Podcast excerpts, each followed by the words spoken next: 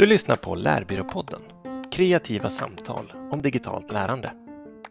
I detta specialavsnitt hoppar vi in i ett webbinar om modellen 70-20-10 som hölls av Michelle Wester på Noli och mig, Joel Skog, på Lärbyrån Digicy. Vi ger en introduktion till vad 70-20-10 är och vi diskuterar några vanliga missuppfattningar som gjort att modellen fått utstå en del kritik. Tillsammans med deltagarna i webbinariet pratar vi om hur vi kan använda modellen och vem som har mest nytta av den i olika sammanhang. Varmt välkommen! Titta, nu kom jag också på att den skulle tryckas på. Eh, Chalmerskillen, ja vad, vad gött. Eh, det, jag berättar gärna lite mer om mig. Jag är ingenjör i grunden, kommer från Chalmers. Kanske inte den naturliga vägen in i lärande och beteendevetenskap, men det har väl alltid varit ett, stort intresse och eh, nörderi för mig. Jag har varit fascinerad över de egna beteendena jag lyckats skapa och varför jag har skapat dem eh, och försökt att göra det enklare för mig själv att skapa de beteenden som jag själv vill få på plats. Och Joel, jag får väl då eh, bolla tillbaka att min, min brother from another mother när det gäller nörderi kring lärande är vad jag ser dig som. Ja, jag har ju verkligen jag kommer liksom in i branschen som AD och grafiker och visste knappt vad e-learning var när jag började, eller lärande överhuvudtaget, klart man har koll på, men jag jobbar med digitalt lärande eh, i huvudsak. Ja. Men eh, som sagt, det här ehm, eh, vetgirigheten, nyfikenheten för hur lärandet sker, när sker lärandet och varför. Och hur lär jag mig? Hur tar jag kontroll över mitt lärande och hur skapar vi förutsättningar för lärande? Det, det ja. liksom är teman som har funnits med jämt. Även som förälder och liksom i vardagen i, över, överhuvudtaget. Ja. Och nu såg jag någonting som gjorde mig glad direkt. Patrik eh, slängde upp en hand. Ja, men god morgon. God morgon. Ja, kaffet i högsta hugg. Det är lite ja. tidigt att ta möte. Eller hur?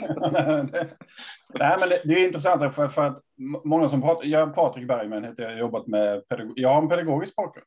Så jag har jobbat med pedagogik och e-learning och hej och hå och digitala arbetsplatser i ja, typ 20 år så att jag börjar bli gammal. Men 70-20-10 är en sån här typisk modell som Charles Jennings annars, eh, andra liksom pratar om och många som är dess belackare hänger upp sig på att nej, men det hos oss är det nog 68, 12 och så kommer liksom nej. Det är inte det som är grejen. Det är det att för att vi hade nämligen möte igår, till exempel i Swedish Learning Association. Nice. Som praktiserar och då kommer alltid 70 20 10 på något sätt. Så är det ju.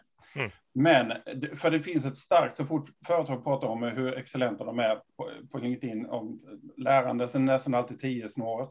Det är så här, kolla, vi har 80 kurser lanserade förra året. Woho! Och, liksom, och det är så här, eh, ja, alla klarar den här kursen. Ja, men såklart de gjorde det. Den är ju mandatory. Alltså, ni, mm. hallå. Och, och, du vet, och, det, och det är väldigt få som pratar om de andra. Hur stöder ni det sociala lärandet mellan folk? Hur mm. jobbar ni med mentorskap? Hur jobbar ni med personal knowledge mastery? Ja. Så att du, att, att, att, du som individ sitter i förra liksom, sätet för ditt eget lärande. Ja. Väldigt få diskuterar det. Men det görs ju överallt. Så är det ju. Ja, ja men exakt. Och du har en lärkultur som antingen är suger eller så är den jättebra eller någonstans däremellan. Men en ja. lärkultur har du ju. Ja. Mm. Och det var väl egentligen det där är ska jag säga, den optimala introduktionen till vad vi vill att det här samtalet ska handla om. För det, det känns som att vi så ofta kanske hamnar i olika missuppfattningar kring det. Så jag och Joel har lite så här försökt innan säga eh, vi vill hålla oss till ett antal teman för vårt samtal här idag. Sen kan vi ta mm. vägen liksom annanstans som tycker att det är mer intressant. Men att vi kanske lite börjar i grunden. Så vad är 70-20-10 mm. faktiskt? Liksom, vad, vad, vad, säger själva modellen? Och sen att vi kommer in lite på det som Patrik pratar om nu. Liksom.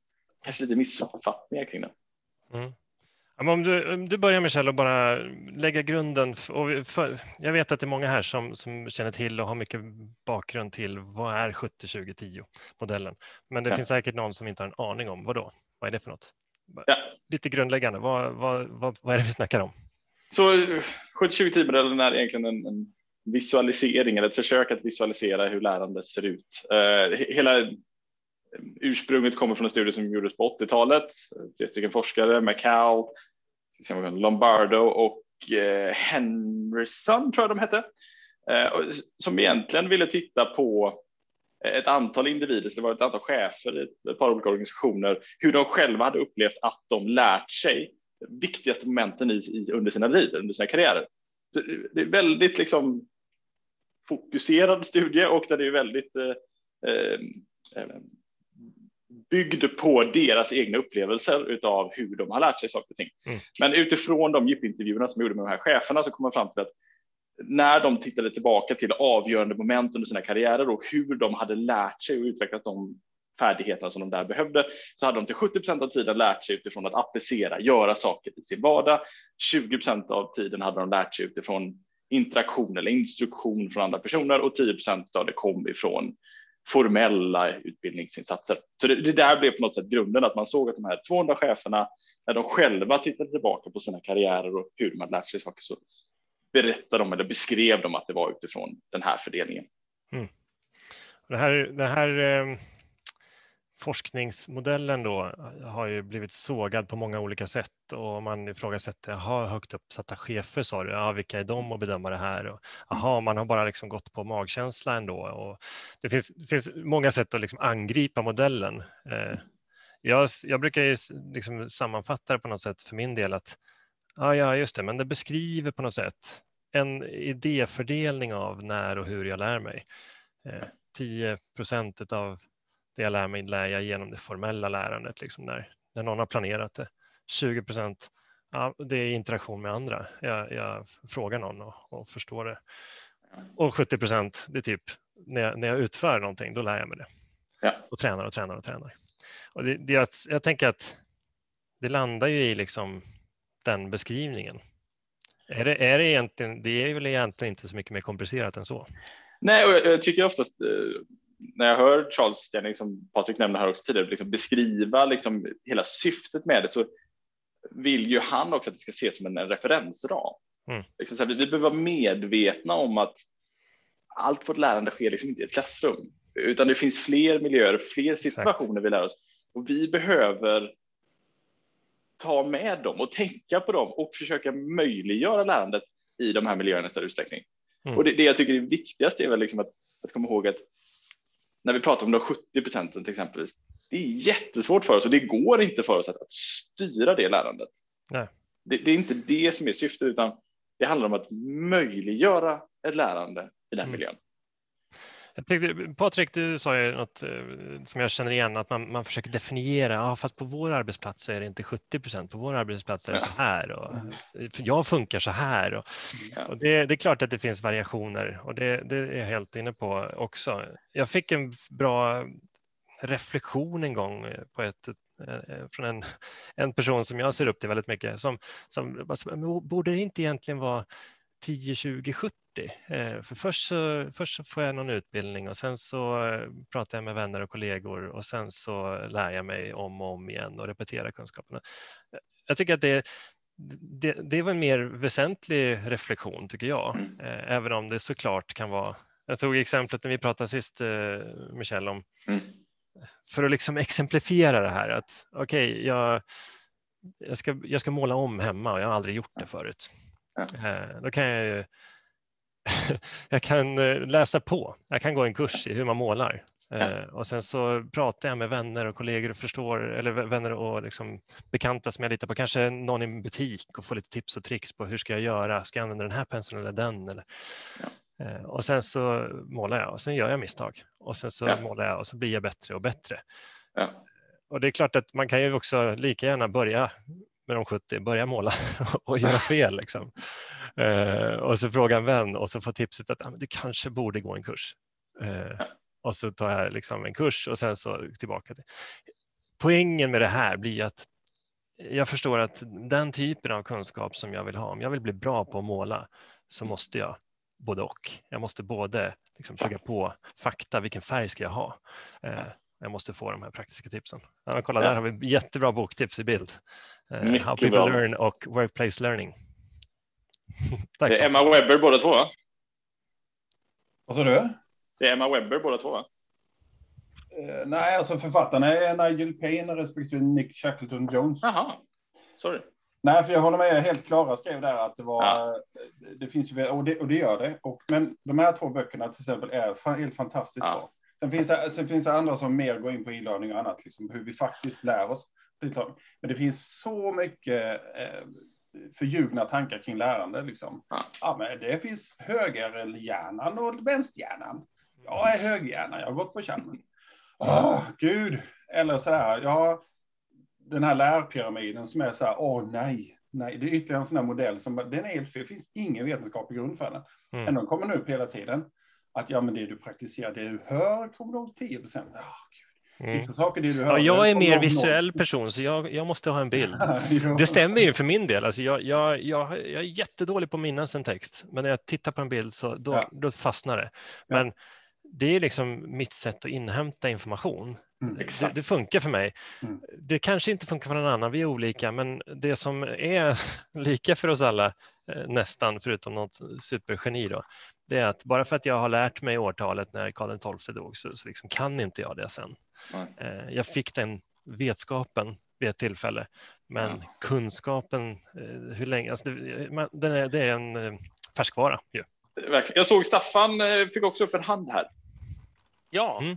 precis. God morgon. Ja morgon.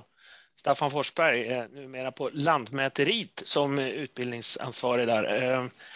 Eh, jag känner väl att man har brottats i många år när man jobbar i en utbildningsorganisation att eh, ja, vi måste effektivisera och få ner kostnader för de här 10 procenten. Men vem ska göra de här 70 och 20? Mm. Eh, jag känner väl att som utbildningsansvarig så har man väl ansvar för hela. Ja. Sen kan man ju, alltså har man med ingenjörer att göra så då kommer de in på, ja men är det som Patrik sa, är det 68 eller 67,5 är det då i min organisation. Totalt mm. oväsentligt. Mm. Jag skulle säga att en riktigt, riktigt bra genomförd utbildning har jag väl i vissa sammanhang kanske lärt mig 100 procent mm. under den, eh, men jag har inte behållit de 100 om jag inte har fått öva på det. Eh, så att det är liksom, det är inte så enkelt att säga att det är 70, 20, 10, 24, 7, utan Eh, en stund så lär jag mig oerhört mycket om utbildningen är upplagd så att jag kanske får öva och träna och blanda teori och praktik. Men gör jag aldrig det något mer sen så då är det ju borta. Så enkelt ja. är det ju. Och man mm. överöses ju med intryck i, i, dagens värld från alla håll och kanter. Så det, det, stämmer, det försvinner ju fortare också för man får mindre ja. tid att träna och, och, och så där. Så att, och, och ja. bara för att koppla an både till det du säger nu Staffan och som Klara säger att vi lever ju liksom i det här nörderiet kring hur vi lär oss. Vi pratar om hur vi tar till oss av information på bästa sätt i ganska många miljöer och vi, jag tror vi reflekterar mycket över det också. Det är ju inte vad resten av vår organisation gör på en daglig basis. Alltså reflekterar över hur man lär sig på bästa sätt eller hur man skapar nya förmågor. Och det är där jag tycker ändå att modellen är väldigt värdefull, bara för att på ett enkelt sätt förklara liksom så här, de här tre aspekterna behöver vi tänka på när vi vill att ni ska utvecklas. Det kommer inte bara vara att sätta er i en kurs och så kommer ni förändra er, utan vi kommer behöva ta er vardag i beaktning och hur ni där ska kunna applicera och göra saker. Vi behöver ta stöd från andra individer som också kan hjälpa er i den här förflyttningen. Och mm. att kunna på ett så enkelt sätt som jag upplever att modellen är förklara för personer som inte är lika nördiga som jag själv är. Det upplever jag supervärdefullt. Mm. Nu såg jag en hand till från Monica under tiden jag Ja, och då kan jag bara säga att jag jobbar på Kronans apotek, för du sa precis det jag ville säga.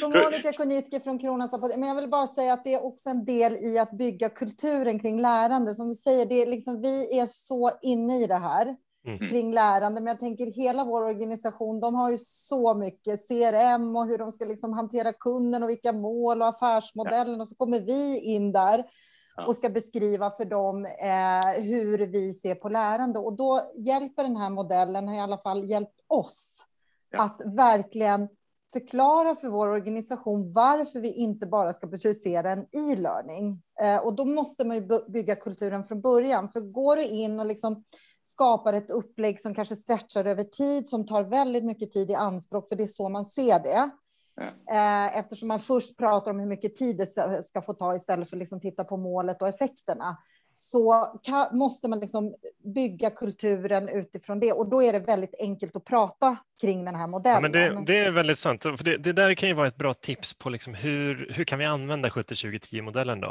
Eh, om, ja. om man har den här grunden. Alltså verkligen, det blir ett sätt för oss att förklara att insats, det vi, ska, vi ska göra insatsen att informera om eller berätta om eller lära ut hur någonting funkar eller så. Men det räcker inte med det, eh, utan vi behöver tänka hela tiden lite längre. och designa utbildningsinsatsen för att den då ska faktiskt ge effekt och att kunskapen ska, ja, kunskapen ska göra någon effekt helt enkelt. Och det gör ju också det enklare för oss att förklara att, att, bara tiden vi har i ett klassrum kommer inte göra det eller kommer inte räcka för att förändra ett beteende. Mm. Att, att, bara beskriva att liksom så här, när ni lämnar här idag, oavsett om det är digitalt eller fysiskt, så är det inte att vi har installerat en ny funktion i er. Liksom, vi, vi, har planterat ett frö, men liksom, det behöver få näring för att växa och den näringen kommer av att ni gör saker när ni kommer tillbaka. Det kommer kommer av att ni har interaktioner med andra personer, att ni diskuterar, reflekterar kring utmaningar ni stöter på, framsteg ni gör. Då kommer vi kunna skapa resultat. Och, och där tycker jag liksom att när man kan knyta an det till, till en så enkel sak som de 70-20-10 så blir det enklare. Mm. Nu fick vi, vad glad jag blir att se alla händer. Tack för det. Ulrika. Mm, Tack eh, Ulrika på TRR här. Jag tänker att modellen är jätteviktig att förankra med alla chefer som håller, ja, om vi vill kalla det medarbetarsamtal eller samtal med sina medarbetare. Man har behov av att prestera ett visst resultat, men man har också behov av ett lärande. Ja, och vad är då din ja, var ligger jag någonstans kunskapsnivåmässigt? Vad erbjuder liksom arbetsgivaren för olika former? Och där kan man liksom också då i modellen hitta, ah, okej, okay, du är på den här nivån, kanske skugga en, en mera liksom erfaren kollega är sättet, eller i det här fallet så behöver vi hitta en, en utbildning eller någonting och sen har du och jag en uppföljning så att vi kan reflektera tillsammans hur det går, etc. vad det nu kan vara. Så jag tror väldigt viktigt att, att förankra liksom med, eh, med cheferna där. Mm. Tack. Jättebra idé. Verkligen. Patrik? Ja, förlåt. Joel, du ville slänga in något? Nej, men eh, nej. Nej. Kör Patrik. Patrik. Eh, jag, ja, nej, jag håller inte tyst i vanlig ordning. Det är kaffet kanske. Men en grej nämligen som öppnade ögonen för mig kring det här med dagliga lärandet. Och det, det är jättebra det du sa Ulrika också. Att för att eh, jag, jag har varit, vi har rullat ut OKR alltså Objectives and Key Results. Och hela ett sådant initiativ, det är, ligger mycket på det 70-spektrat och gör det tydligare mm. för alla. Ja. Då kan du i, i samband med en hel lärstrategi som du rullar ut, kan du säga det att Objectives and Key Results, då ska du sätta väldigt höga målsättningar för ditt eget jobb. Det är stretchmål. Som uppnår du dem så har du varit för, för lite ambitiös. Eh, och, och, då blir det ett lärande i vardagen där man kan skjuta in att du ska gå kurser eller du ska ha mentorskap eller vem är det som ska hjälpa dig att nå det här. Ja. Det, där har det, för annars har det blivit rätt kanske suddigt, för alla känner till kurserna. Mm. Men vad är resten för något? Men då när jag började jobba med OKR så blev det så här, ja just det, det här är ju lär, lärandet i vardagen. Ja. Så att bara ett tips eller en ögonöppnare liksom. Ja, och det, det är väl också, jag håller med i mitt eget lärande så upplever jag att OKRs har varit otroligt värdefullt att också bara ge mig eller tvinga mig till tiden till reflektion. Eh, att jag liksom tar mig tid och stämmer av. Okej, okay, men vad har jag faktiskt åstadkommit här? Vad har jag lärt mig av de här aktiviteterna? Och det är väl någonting jag, om jag tittar på mig personligen, så är det det jag tycker är svårast att både lyckas med själv och eh, övertyga andra om vikten av att göra. Övertyga andra om att du behöver stanna också. Vi ska inte alltid liksom så här, hur fort eller hur långt vi tar oss framåt är inte alltid avgörande av hur snabbt vi springer, utan vi behöver ibland stanna upp för att se vart springer jag? Vad hände när jag sprang den senaste stunden och vad ska hända? Vilket håll ska jag rikta in mig framöver? Och jag upplever att när man liksom pratar om en modell lik detta så blir det tydligare för en att den typen av aktivitet också behöver få plats. Ja. Vi behöver liksom stanna upp för att se hur går det för mig? I mitt vardagliga arbete. Jag, jag tycker det här svar, nu är vi inne på liksom lite grann vem, vem använder modellen 70-2010? Vi, vi har ja. pratat lite om vad den är och vanliga missuppfattningar och, och kanske hur vi ska använda den. Mm. Men, men vem använder det? Jag tänker att för, för mig finns det två huvudperspektiv, men jag tyckte att eh, vi fick in ett tredje bra. Och mina två perspektiv det är jag själv. Alltså hur ser jag på mitt eget lärande? Hur kan jag med den här insikten lägga grunden till hur jag lär mig och ta ansvar för mitt lärande? Sen är det det givna, det som du Staffan är inne på, jag som är ansvarig för att få skapa förutsättningar för att lärande ska hända i, i min omgivning eller i min organisation. Mm. Um, och så tyckte jag det fina extra perspektivet är att chefen, eh, yes. Eh, chefen verkligen, eh, ju, ju, mer medveten chefen är om, om att vi lär oss inte bara på kursen utan i vardagen. Mm. Och medveten om att jag måste skapa, skapa förutsättningar för min medarbetare. Det, det där är liksom vi använder det på olika sätt beroende på vilken, vilket perspektiv vi har, tror jag. Ja. Jag tror alla är lika viktiga. Ehm, jag tycker, Klara skrev ju, hon sitter på bussen så hon har skrivit istället här en hel del och hon skriver en bra grej tycker jag. Det finns också en missuppfattning om socialt lärande. Det handlar om interna lunch and learns och liknande där man delar kunskap med varandra. Ja. Så skriver att det är inte riktigt det det handlar om utan eh, vi kanske slösar ganska mycket tid på, på den ja. typen av ja, jag tolkar henne då som, som eh, situationer där vi delar kunskap med varandra. Men mm. det är ju, jag, min reflektion när jag hör det, det är att mm. ja, då, då kan vi ta ett ämne, men det är ju oftast inte kopplat till var jag är i min lärresa. Om, om jag var på en utbildning förra veckan så behöver jag då utveckla min kunskap kring det ämnet eh, mm. genom social interaktion med andra. Ja. Jag behöver ha kontakt med någon som är senior på det ämnet, eh, någon som, som jag kan utbyta idéer och tankar med. Eh, det är den sociala delen. Och sen så behöver jag praktisera och praktisera och praktisera. Eh, så tänker jag. En lunch, lunch and learn liknande, det blir ju på något sätt en, en tia som vi bara Exakt, liksom lägger lite mer. Ja, vi lägger lite mer i en social miljö och så tycker vi att det är liksom socialt lärande, men det är ju inte vad det är. Maja, jag såg din hand också. Jag,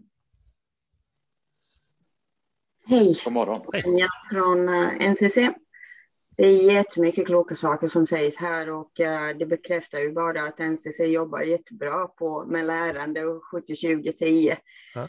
Uh, vi har ju marknadsfört uh, 70-20 marknadsfört mm. 70-20-10 mm. på alla våra lärandemöten med cheferna. Just uh, det Ulrika sa tycker jag också är jätteviktigt att man börjar någonstans och också prata målgruppska det som Monica sa är ju också att bygga kultur kring lärande. Oftast är det ju att vi måste ändra det beteende och tankesättet att man läser bara genom kurserna. Men vad gör man sen? Hur omvandlar man det till 20 och 70? Och eh, det Staffan sa, att följa upp liksom utifrån medarbetarsamtal, um, om man går en kurs, hur följer man upp? Hur ska man dela med sig av sin erfarenhet och kunskap? Hur implementerar man det? Och eh, Klara skrev ju i chatten, det är ju oftast att det oftast beror på okunskap.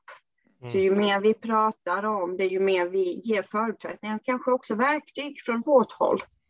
Vi som jobbar med utbildning och vi som är innördade på 70, 20, 10. Mm. Om vi kan ge förutsättningar och stötta dem i början. Så att, att det liksom sprider ringen på vattnet. Nu ska jag inte prata mer. Ja, men, ja, men det var jättebra. Ja, och jag, får, får, jag säga? Det får du. För jag tänker att um, det du Maja är inne på nu, ni, du, du berättar om ett exempel på, ni, ni pratar om det här mycket och, och jobbar utifrån den här modellen. Eh, det finns ju säkert jättemycket att fråga och lyssna in på. Det jag är nyfiken på, för att knyta an till en vanlig missuppfattning, eh, mm. det är att man eh, då eftersom 10 procent är det formella lärandet, då, då ifrågasätter man varför vi lägger alla våra resurser på det formella lärandet eh, och så lite resurser på de andra. Eh, jag, jag har svårt att ifrågasätta det. Jag tänker snarare att vi borde designa det formella lärandet så att det stöttar hela. Mm. Eh, jag blir ändå nyfiken på att fråga dig, Maja, hur, har du något exempel på hur ni designar lärande för att stötta då de, 10 och, eller de 20 och 70? Vi har ju till exempel platschefsprogrammet uh, som riktar sig mot en målgrupp. Och då jobbar vi utifrån före, under, efter processen. Vad behöver våra deltagare göra innan uh, en viss föreläsning eller en viss kurs som de kommer, som för, behöver ha för förkunskap, som de kommer att behandla under själva föreläsningen, som de får verktyg till att implementera i vardagen. Mm. Och sen följer vi upp det. Uh, antingen chef eller mentorer har vi också på det programmet så att det är ständig dialog. Uh, till exempel om vi har haft arbetsrätt, hur kan jag implementera arbetsrätten uh, i min vardag? Och sen bollar man med sin mentor. Vad har du för erfarenhet? Hur kan, kan du stötta mig i den processen och så vidare. Så vi har ju lärresor till exempel under det programmet. Mm. Men också att man stöttar kanske en, enstaka målgrupper. Om du och jag har gått ledarskapsutbildning, vad är det för verktyg som vi har fått under den, uh, den utbildningen? Och kan du implementera detta i din grupp? Kan jag implementera i det här, samma sak i min grupp?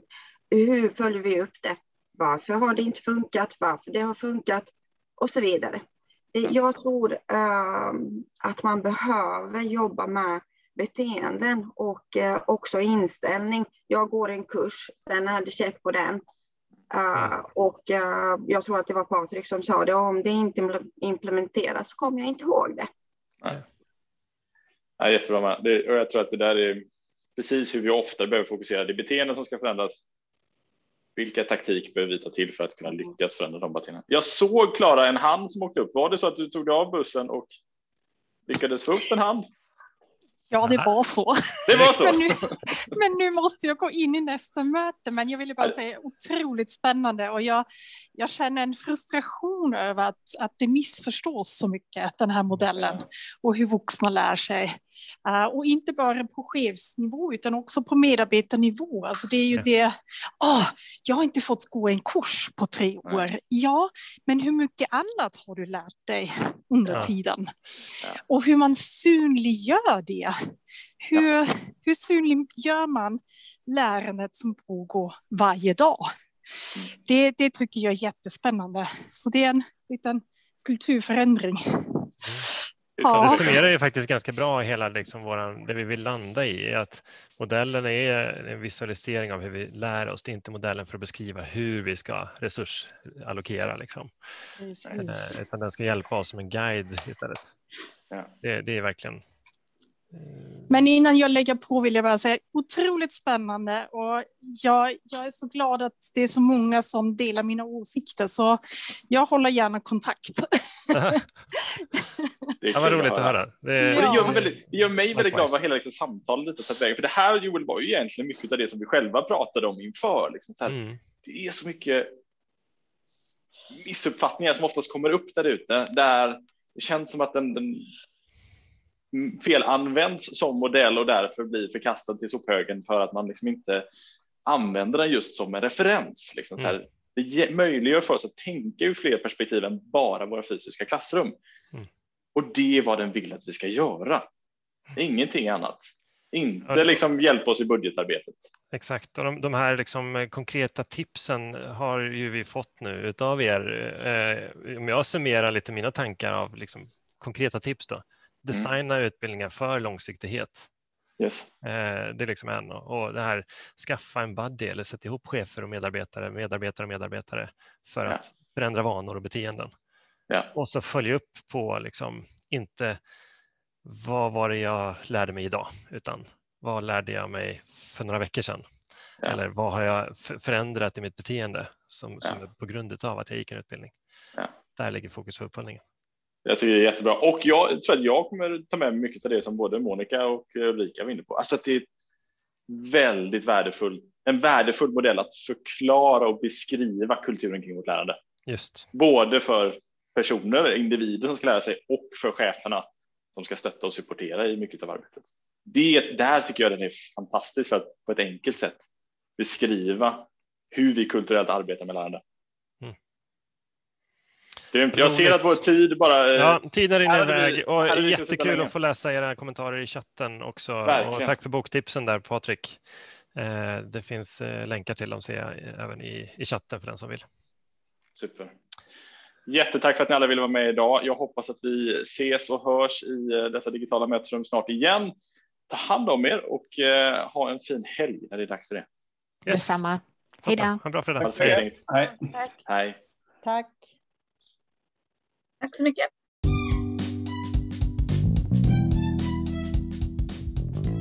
Du har lyssnat på Lärbyråpodden. Om du vill komma i kontakt med någon av oss på Lärbyrån Digicy så kolla in oss på digicy.se. Där hittar du också länkar och tips på det som vi har pratat om i podden.